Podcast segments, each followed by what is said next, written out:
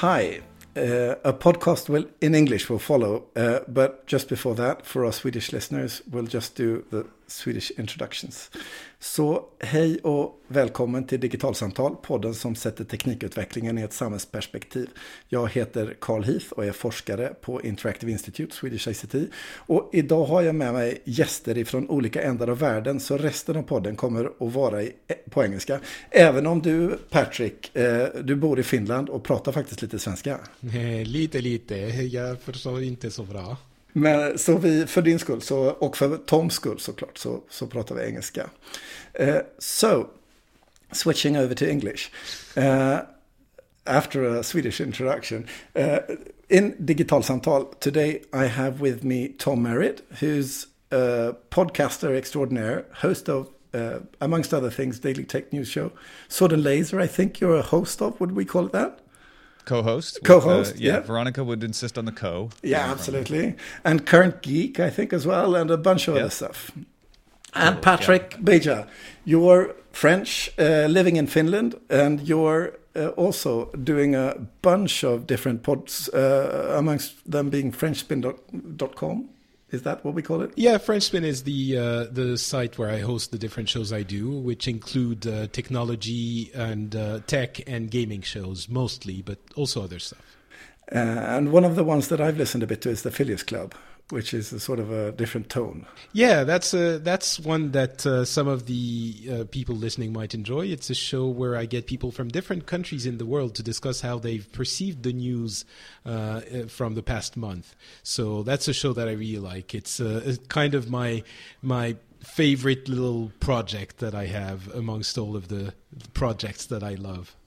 And- I'm a huge fan too. and, and, and so am I. And, and, and listening to uh, both you, Patrick, and uh, Tom uh, quite often uh, in my earbuds, I thought it would be interesting for the sort of Swedish audience of my podcast to hear you uh, discuss and reflect on things that usually doesn't sort of be the sort of um, uh, uh, major thing that you discuss, but that I know that you're deeply ingrained in, being sort of actively engaged in the podcast scene in France and in the US, and uh, having journalistic background and all the rest of it. So basically, what I thought we're going to do is to sort of take an international perspective on the effects on society of digitalization, and uh, I'm sort of interesting uh, in the sort of uh, your if to start somewhere just sort of your perspectives on digitalization of society and media and sort of how your thoughts are on the shift because you've both been active for quite some time uh, working in different kinds of contexts. And how do you perceive sort of this uh, shift from sort of the blogging scene and then suddenly audio and YouTube coming on the scene with new ways of interaction. And today we have like platform based journalism with Facebook and Twitter and stuff. And that sort of journey I'm really interested in because you've both been a part of it in different ways. So if we uh, if we start with the you Tom, how how is your feeling around that? I feel like uh, overall it's a it's a very positive trend. Uh, not every single thing that happens is positive, obviously, but I've, uh, if I had to summarize it, I would say the ease and control of of covering things and publishing things uh, has improved tremendously over the past several decades. My first job was in radio in 1986. Uh, to broadcast at that time, you needed to have a huge broadcasting tower and spend a lot of money in infrastructure. Uh, you had to spend a lot of money on engineers. I also worked in print uh, in in my college years in the in the early uh, late 80s, early 90s, uh, and we were able to do an independent weekly newspaper. But again, it was a lot of effort. At that point, we were able to use computers to do the layout, which made made it possible for us to do it instead of having to own huge, you know, typesetting machines. Uh, but now. I, I, think it's incredible, even in just the past 10 years, how many strides we've made where anyone who owns a computer can publish their own news news outlet. They can do audio, they can do video, uh, and we have seen the merging of the different forms: radio, print, and uh, and television into not only one outlet, which big companies are, are having to deal with, and, and some dealing with it better than others, but into one outlet that any of us can use, any of us can can take and control, and coverage and media are judged more often on their quality than they are on ability, and I think that's significant. Patrick, um, so basically, I think I'm going to say a lot of the, the same things that Tom said. Um, I I came to podcasting about ten years ago, and uh, what really struck me at the time was how easy it was for anyone with just a little bit of technical know-how to reach uh, an audience, a worldwide audience, uh, and with very uh, uh, low investment too. At the time, it was maybe a few hundred bucks a year. Um, now it's even less than that, I, I would say. Um, and you could reach more people than a national news channel. In theory you know it's not like everyone is going to come and and specifically listen to your show but it, anyone could. Uh, and it's it's kind of the same thing that has been hap- that had been happening at the time with print. Uh, websites were basically putting words, uh, printed words, uh, making them available to anyone in the world. And that had a couple of different uh, effects. Um, first, it was a revolution because anyone could express themselves, and, and the uh, message broadcast wasn't limited to the very, uh, uh, you know, very rich and the very few, uh, but also it made it so you could have a meaningful conversation with anyone uh, about anything, really or even a non-meaningful one, but since your your potential uh, discussion partners were everywhere in the world, um, you would always find someone who was interested in discussing whatever you were interested in. So um, that is also something that is very um, specific to the internet. It's it's the uh, ability to reach people that you have a, an interest in common with, no matter what that thing is, because around the world there are always going to be someone. Um, and I think what we're seeing now is, first of all, diversification of the type of media that you can have. Obviously, podcast did that for audio. Um, even though they're they're not as big as print or or video, they're getting more and more traction every day. Uh, obviously, YouTube is the the big winner in all of this, and there's uh, one trend that I've been noticing in the past, I would say, couple of years, is that as people are getting used to that new video medium, uh, specifically about video, uh, we're seeing more and more uh, uh, I hesitate to say intelligent, but but more interesting uses of YouTube itself as a platform. Uh, it used to be, you know, the stigma that they had for the longest time was, well, it's for videos of cat falling off, cats falling off of basketballs and stuff like that. Uh, nowadays, there are many, many, many uh, very interesting educational, informational videos that are very well done. Not necessarily in the way that they would be done on TV. They're still very YouTube like, but they are uh, um, some serious work being done, not just about video games or about which is interesting to me, but just uh, uh, valuable contribution contribution to society. Um, so that would be the general media uh, uh, impressions. If if you want to talk about the way media has become social, that's maybe maybe I'll I'll talk about this afterwards. It's sort of different. Yeah, well, that, uh, because one thing that sort of um, uh, relates to both of your stories is basically this thing from sort of broad media going into niche media and sort of anyone being able to do things. And one thing that I reflected upon is that it sort of changes the tone of and voice of a sort of public conversation uh, from where we were sort of in the 1980s uh, and up until now have two very different types of sort of societal conversations. Uh, I had uh, the privilege of spending a couple of years in the United States in my teens in Nashville, Tennessee, uh, of all places. but I could see it then because it was in the during the first Iraqi war that I sort of suddenly come, came to see a very different media than the media picture that I would see in Sweden. And at that time, you would only be sort of framed with one particular type of media, the US perspective or the Swedish perspective or the Finnish perspective, whichever perspective you have, it was sort of hard to come out of that sort of environment. But then today, if we fast forward, we suddenly have the situation where anyone can um, grab any perspective. And just because I happen to live in Sweden doesn't mean that I actually listen to Swedish perspectives. I could listen to Turkish or Finnish or whatever that interests me. And so my question would be sort of what are your thoughts if you look sort of what happens in France, where you have the most experience, Patrick, or in the US? How are your conceptions of how the sort of overall societal discussion has changed as a consequence of of these channels emerging and vo- different voices being heard? I, I think this is a really interesting question and something that's come to the fore and ties into a lot of conversations about uh, people being harassed on social media, people feeling safe on social media, whether social media is being used for ill or good.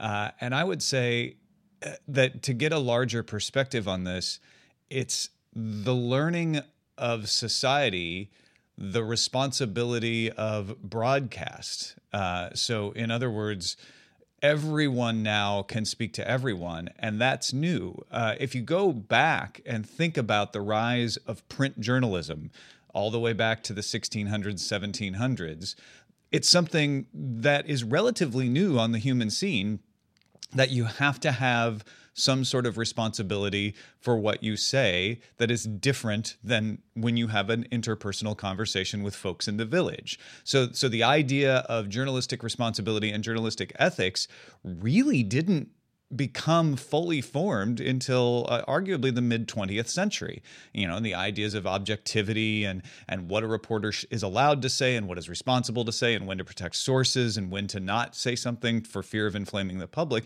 that's all new. And now suddenly we have this technology that allows everyone to have the power of the media. And so everyone is learning those lessons of responsibility that what you say has an effect, uh, that what you say can be heard by multiple people. And this doesn't just apply anymore to celebrities and journalists. Uh, it applies in a different way. It's not a one to one correspondence uh, because not everything you say is going to get attention, but everything you say potentially could get attention. And it's on the positive side, everything that you say as a broadcaster or a podcaster or a blogger can be improved by the expertise of your audience. If you're willing to listen and and and filter those reactions you can find some amazing ways to improve your own coverage. I don't know that we're uh, tom is is very often very optimistic.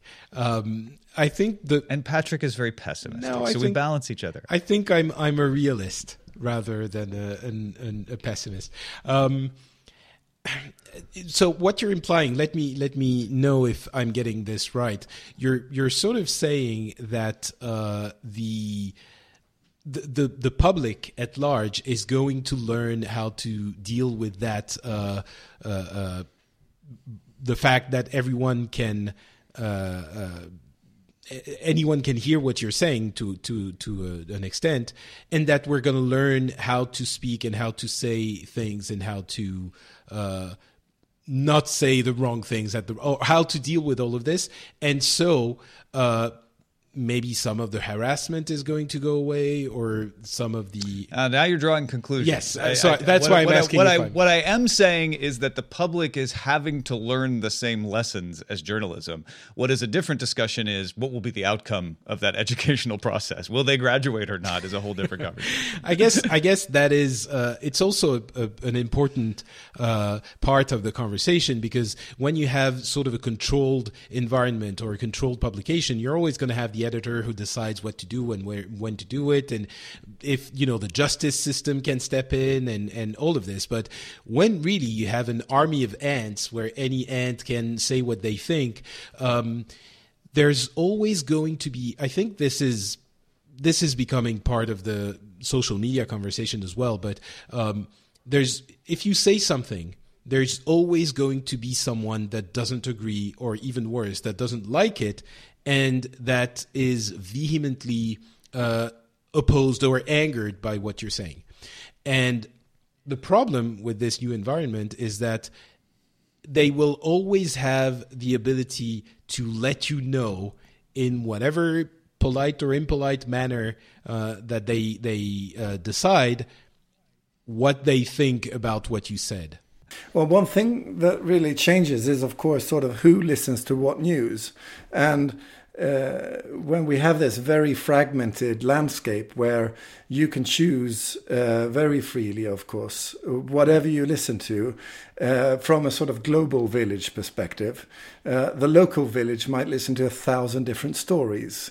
Uh, and they might sort of be in their own campfires, in their own digital environments. And the sort of tension there between the sort of local narrative and the sort of global narrative uh, becomes very sort of alive when you see the sort of this meeting uh, ending up in the sort of digital world where there's really no borders and where you choose your own borders in a sense uh, compared to the sort of place where I am and the local context. So, so I would yeah. sort of pose because I mean both of you basically have sort of uh, are a part of a kind of sort of the clan of uh, uh, those interested in things associated with digitalization, and I'm a part of that clan as well. But I mean, that doesn't mean that others in my village or my town where I live has the same background. So, but we still have sort of this sort of decision making process that is designed from the sort of geographical aspect rather than the interest aspect, which our media has come to sort of be designed and framed about it certainly changes the balance, right? Because your your social circle now includes a brand new aspect that never existed before, and your ability to select your exposure to broad information has changed drastically since the 1970s, when maybe you only had one or three channels of information. Uh, at the same time, we also feared that people because of the internet and social media would would stop interacting in real life. And what we found is that when you do join a really good community that you love being a part of the, the constant next step is how do we meet up in public? Let's have a conference. Let's have a get together. Let's have a meetup. Uh, so there may be some analog there to being able to choose your sources of information that you know will balance that out that you will be exposed to other things despite yourself or you will start to feel like you know what I want to seek out these other sources of information whether it's on some altruistic impulse to expose myself to other sides of stories or whether it's on an antagonistic impulse to say I want to go prove all those other people wrong so I need to find out what they're saying. Another issue in this sort of aspect has to do with and Patrick you were into discussing that a bit earlier is sort of the these social platforms that now become sort of middle points where we before sort of read our news article in the New York Times or any other newspaper uh, and we read it on their webpage, but where we today read and take in information through Twitter or Facebook or other social media environments, which also comes to sort of reframe the context from where the actual news thing is. I mean, when I read something from the New York Times, it was obviously easy for me to know the source of that information. Whereas today, when I read things on Facebook, uh, for example, or when I listen to something uh, in this sort of broader media context, it's hard for me to sort of evaluate what is actual reality and what is just uh, an internet troll ranting along on a sort of given perspective. Uh, and I mean, that has sort of really brought to it a whole level of complexity in the understanding and perception of what is news or what is uh, a story and uh, how would I understand that? And I mean, just sort of understanding what happens in real time when things happen, it, it becomes sort of super complex because it's hard to know uh, the sources, for example, and what, being sort of podcasters and sort of digging in the news and uh, working with that field and environment. What are your perceptions? Is it sort of are there uh, a lot of benefits to having these platforms to distribute this material, or are they, on the other hand, sort of uh, making the life of bringing good news and solid news harder? And uh, sort of where would you put yourselves in that spectrum? Um, So, uh, where would we put ourselves as podcasters? You mean as yeah, for, for or yeah, and in, in your way of sort of presenting well, information or news or understanding. Uh, obviously, we uh, we are part of the high quality uh, news bringers. Um, but, well, okay, so certainly we try to, to do a good job at reporting accurate news, and we check our, our sources and and follow uh, uh, proven, established publications, and, and we try to have a balanced opinion. Not a balanced opinion necessarily. That's Tom's job. I try to uh, see all sides of the issue and then give my very strong opinion. So I do things a little bit differently. but uh, uh, but you know, I think. I, I'm gonna be a little bit Tom-ish in, in my response. I think it's it's easy to think that um, the abundance of outlets for news, and I include social media in this, makes all of it muddled. But the reality is, I would disagree with you, Carl, when you're saying it's it's more difficult to know where the information comes from or if the information is valid. Uh, yes, of course, if you're going to see someone uh, posting something on Facebook without a source or without a, an outside link, um, making a preposterous claim, uh, it's you can get inflamed and you can say, uh, you know, whatever issue you're passionate about, you can get uh, angry about it. Uh, but it's also incredibly easy to go to your, you know, uh, uh, to any publication in the world, be it your local one that you know, or maybe one that is from another country because you want to have another type of perspective on on the issue, um, and get informed in a way that you really couldn't before because you only had those one, two, three, four, ten uh, news outlets, and one of them was a 24 hours news outlet, which uh, had an, a vested interest in in uh, inflaming the the topic, or maybe presenting it in a way that made it sound a little bit more dramatic than it is. Um, so basically, I I do think that now it is uh, easier and and more possible to get the right uh, uh, the right piece of information, and I don't think it's that different from when you know you would go to i don't know the the coffee store or the the bakery i'm french to the cafe or the bakery uh, and and had a conversation with your the person next to you in in the line and say oh have you heard about those youngsters doing the the, the hip hop and uh, uh, defacing our public uh, buildings? That's preposterous. And you know and you would get angry and i don't know that's a silly example but you get my meaning. You would get those conversations that would have no basis in journalistic reality or actual reality, and you would get angry about them. I think that happens today on Facebook and Twitter and whatever, and some people don't go and check. But if you want to, it's very possible. It's even easier than before. So. Tom, what's your perception? Are the platforms making life harder or easier? And what sort of frames the conversation? And being a podcaster, where would you be in that mix? Well, the, yeah, this is a, a particular challenge for my show, Daily Tech News Show, uh, because we are we are an analysis show. The idea is that I look over all of the news of the day and I select things that I think are important for people to hear about and for those of us on the show to discuss, so that people get a greater understanding of what's happening. Uh, and so the trick is to separate the vast amount of noise from the quality signals out there because I, I I'm one person. I can't go out and be a team of reporters verifying everything. In some ways, this is easier than ever. Uh, if there's a court case filing. Uh, good outlets will link to that filing and I can go click on it and look at the filing directly and make my own interpretation of it. And that's fantastic. Uh, in other situations, there may be something based on a person speaking and there was maybe not video of that person speaking. Maybe it was a private interview. And so then you have to kind of drill down into like, where did they actually say this? Who did they say it to? And this becomes an especially difficult problem when it's a source said or people familiar with the matter. Uh, and that's where critical reading becomes very important. Knowing uh, yeah, what, what sources. I'm yeah, what I'm sort of coming uh, to there is sort of when you read that post in your Facebook feed uh, versus when you read it uh, in New York Times, for example, or your local newspaper. Well, I mean, it changes. You don't trust the, the Facebook feed if it doesn't come from the New York Times don't trust the New York Times. Well, maybe you don't trust the New York Times, but I mean, it, it, it, depends what you see in your Facebook feed.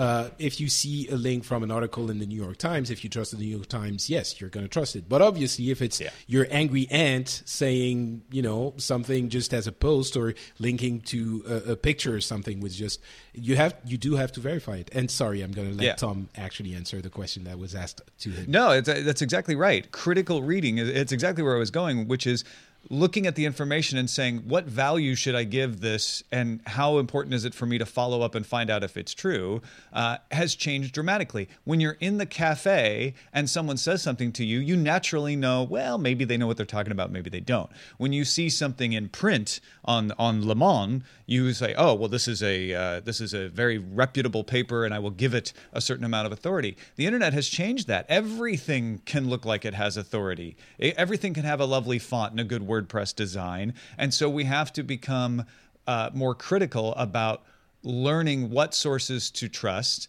Uh, being questioning the assertions in Facebook posts or even blog posts from certain outlets, and and having more skepticism about an assertion when there isn't a link or, or a good solid backup to what's being said. Yeah, exactly. Because that, that's sort of where um, my thoughts are at the moment. Is sort of sort of the uh, complexities of actually understanding information when we have this sort of very diverse environment to to be in. Uh, another aspect, uh, just to sort of switch tones a bit, is um, the relationship between the sender and the receiver. And I mean, previously we've had uh, basically two major ways of doing that. Either it's public broadcast, which we in sort of the Nordic countries are very used to, having sort of public television and all the rest of it that sort of informs us in the one aspect. And then on the other hand, we have the commercial channels who mainly have uh, this sort of traditional relationship between taking in ads and where they have sort of made this decision to sort of separate the ad part of their business with the sort of written sort of journalistic part of their business and have a sort of clear uh, middle ground there uh, to split that up. Uh, but I mean, as you know, and as you both have different uh, business models, this has sort of vastly changed uh, over just a couple of years, where we both have new types of media like uh, Mashable or, or or Newsner here or whatever they are, uh, which have sort of a new type of mixed business model with where it's sometimes a bit unclear to know if it's actual journalism or if it's presented as a as an ad or sort of where is the line drawn in, in some of those outlets. And then we have this other new context, which is sort of this more uh, participatory design culture aspect of business, where both you, Patrick, and uh, and Tom are sort of, uh, in a sense, pioneering that work, sort of trying to build a viable business uh, in presenting news, but where you don't have ads, but where we as an audience uh, participate in your work, not only by giving you money, but also by sort of having some kind of agency over your work and interacting and doing stuff. And uh, I would just want to hear both of your thoughts on sort of how is it to be in that type of media? How does it change your thinking as being media? Uh, because in some senses you actually are to a very high degree, and and uh, yeah, and, and what what would separate you uh, thought wise from from this old traditional business models? Go ahead, Tom. Uh, sure. You make me make me answer the tough question first. I can do Uh, it too.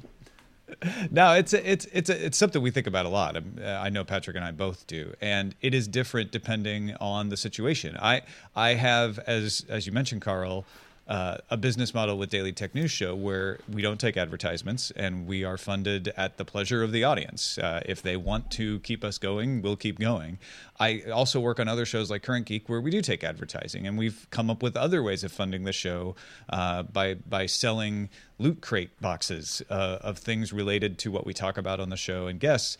And I think that's the most exciting thing about all of this is we don't know which of these models, whether it's a traditional advertising model or some funky thing where you're you're selling products on the side, uh, or wh- or whether it's just direct fan funded which one is going to work the best? What effects will they have? Can all of them work in different ways? Uh, I will say that from the news aspect, cutting out the middleman and saying you don't have to pay taxes to a government, you don't have to go spend money with advertisers. You just decide how much the show is valuable to you and give us that much, and we'll keep doing it. Uh, frees you from a lot of extra considerations. You don't have a master to please other than the one you should always be trying to please, which are the people who listen or watch your show. Uh, and that that makes a lot of things simpler. There, you don't have to track ads. You don't have to argue for funding. Uh, there's so many things that are better about that. Uh, but at the same time, it has downsides, which is you're not going to get a big windfall of money when you sign on a new advertiser. Uh, you're not going to be able to argue in front of the parliament that that you should get another million dollars to add on an extra show. Uh, the, you know, and those sorts of things will keep you growing slower. So there's good sides and bad sides, and I think it's not the right model for everything, but it certainly can. I, I think it definitely provides a new way for an independent person to put out something very high quality. At least I hope so. that, that's what we strive for, for sure. Um, you were mentioning publications that do uh, different types of articles. Some of them might uh, being paid often, Carl, and I think this is a growing trend. And the reason for this is that there's sort of a uh, there's too many ads, too much inventory of ads, and the price of the ad has plummeted. And if you add to that the fact that people are using ad blockers, it means that a lot of the publications are having to rethink their business models. So some of them are making their publications more clickbaity and and increasing the number of articles because that displays more ads and ad revenue falling you have to get more displayed in order to keep your your you know your costs covered. Um, and the the infomercial model is also pays a little bit more. So there's certainly a negative reaction to the business model of advertising, which has had become uh, the only viable one on the web in the past few years. And I think that is not a healthy thing when there's only one source of revenue. Um, and so there's a, a, readjusting there for sure. Uh, we're seeing more and more publications going to a model of uh, actual reader or viewer or whatever contribution. Um, we've seen Wired in the past few days uh, announcing that they're actually going to block people who are using an ad blocker and at the same time allowing uh, people to uh, to to pay four bucks a month um, to to you know get rid of the ads. So anyway, a lot of uh, of those publications are rethinking the way they uh, uh, their business models. Um, for us, though, it is somewhat different, and I think it's I don't know how well it scales. Tom sort of alluded to this in saying that. Um, we're not going to have a big windfall of, of revenue if we sign a big uh, announcer. Um, it's possible for us to do what we do, I think, because we don't have the big infrastructure behind us. Maybe if we did, we would reach more people and more people would be willing to, to give us money. Um, I'm not sure it would be the case, but um, I think the, the main difference that, that makes this possible between us and traditional media is partly because of podcasting. Um, it's the very close relationship that we have with our audience. And I say partly because of podcasting, because I think when you're listening to someone in a podcast, um, you know, for a few months, a few years, every week, you have them in your ear for an hour, you have their actual voice and their actual inflections and personalities and all of this. And with this very important aspect of podcasting that it isn't radio, um, that it it's very uh, uh, natural right? When I'm speaking to you in, in a podcast, it, I'm speaking, let's say, 95% of, of the way that I would be speaking to my friends or my family. So it's, it feels like you're hanging out with someone, with one of your friends. So then when they're asking you to give you, to to give a little bit of money to support them, I think you're a little bit more likely to do it because you feel very close to that person. The reason I'm going so in so much detail about this is that I don't know how uh, uh, valid that kind of uh, business model is for a uh, type of media that doesn't have that close relationship. If you're not speaking yeah. directly to the audience.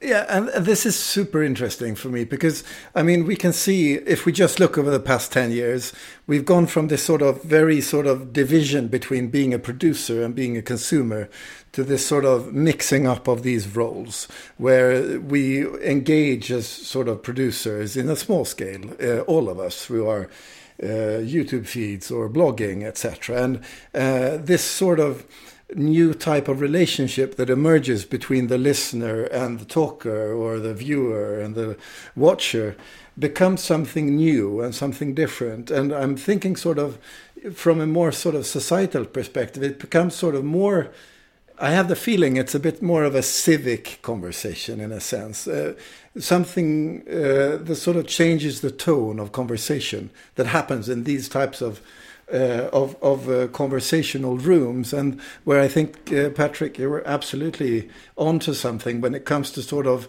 how the business model of that might sort of be tied into this new thing that happens that is sort of on the middle spectrum of being a producer and a consumer.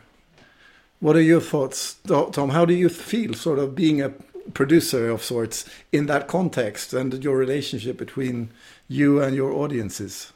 Yeah, it changes it quite a bit. I mean, if you think back into the 1970s, 1960s, when you had a limited number of broadcasters, and I don't just mean television, there was, you know, often only a couple of newspapers, a uh, couple of radio stations, couple of television uh, channels, and you were most people were forced into the position of being a consumer. They didn't have any choice in in the matter. Today, you have a choice. Uh, you can be more producer than consumer. You can be more consumer than producer. But everyone, like you say, Carl, uh, for the most part, any anyone involved in any kind of technology, if they have a smartphone, et cetera, uh, has the choice to be to decide what that mix is. And so it changes the conversation from being I am the authority. I am delivering you the entertainment and the information, uh, and you will take it. Uh, to something where you can have more of a give and take. Now, that is very threatening uh, for any entity that has the model built on the idea of being the authority. But I think it's it's very enriching as those entities learn to accept the benefits of it. And it's a, it's a different skill because not every participatory contributor is going to give the same quality of contribution as every other. Uh, and that is a new kind of community management that needs to happen. But it is it, it, I guess what I would come to is that it has made it more a more egalitarian uh, effort where you decide whether you think the person that you're listening to or watching is worth your attention and giving them the privileged position to speak to you, but you also don't feel like you can't speak back.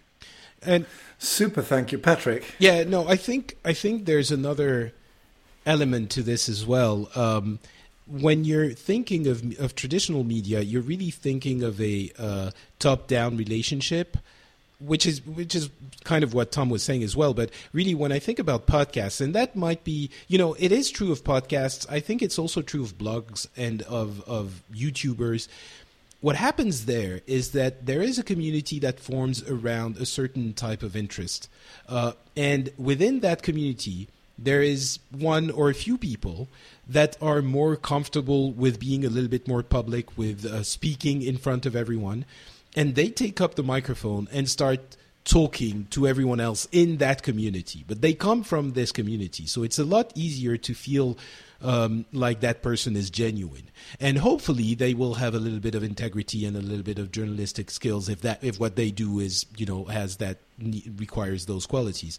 But in traditional media, it is going to be a, a, journalist or a presenter or you know someone who has been to a certain type of school and who has a certain way of doing things, sort of a rigid way of doing things. And even you know a journalist I was saying I speak the same way I do in podcasts as I do in real life. Journalists, they have a certain tone, and they are going to explain to you what has been happening in these past few days, right? And it, it's not natural. It is, they put on a show in a way. And they aren't they're talking about so many things that they aren't necessarily interested in those things i know that about tech specifically um, in france very often the journalists that cover tech do that because their editor has told them all right your beat is now tech and they might have very little interest in that thing so anyway all of this is to say the genuine aspect of it is also a, a key differentiating factor between uh, traditional media and uh, independent media that we have today, I think.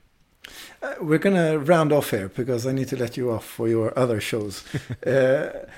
Tom, where would we find you if uh, any listener wants to hear more of Tom Merritt? Where would that be? Uh, well, the, the easiest place to go is tommerritt.com, uh, T O M M E R R I T T, two R's, two, uh, two T's in Merritt. And that collects all of the different things that I do in one place. Uh, if you're interested specifically in the Daily Tech News Show, that's at dailytechnewsshow.com. And Patrick?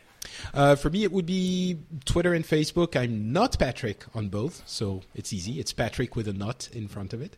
Um, and if you want to listen to that Phileas Club show I discussed earlier, uh, go to FrenchSpin.com. You'll find it there. If you want the French shows, it's FrenchSpin.fr. But everything is on Twitter, so not Patrick is the thing to remember. Super thank you too for uh, taking up some time for to discuss podcasting, media, and uh, the media conversation in this sort of digital society. Uh, I'm uh, gonna do what I usually do and call off the show in uh, Swedish. Eh, så med detta är dagens podcast slut. Hör gärna av er med kommentarer, tankar och funderingar i Facebookgruppen Digital samhällskunskap. Har ni en fråga till oss, tveka inte att höra av er. Det går också bra att skicka frågor på mail. Adressen är i så fall podcast.digitalsamtal.se. På Twitter finns vi på digitalsamtal och är det så att ni prenumererar på podcasten i till exempel iTunes får ni gärna skriva en kommentar och ratea programmet i iTunes så att vi hamnar högt upp bland sökresultaten och fler får möjlighet att hitta till oss. Så till nästa gång Hej då! Hej då!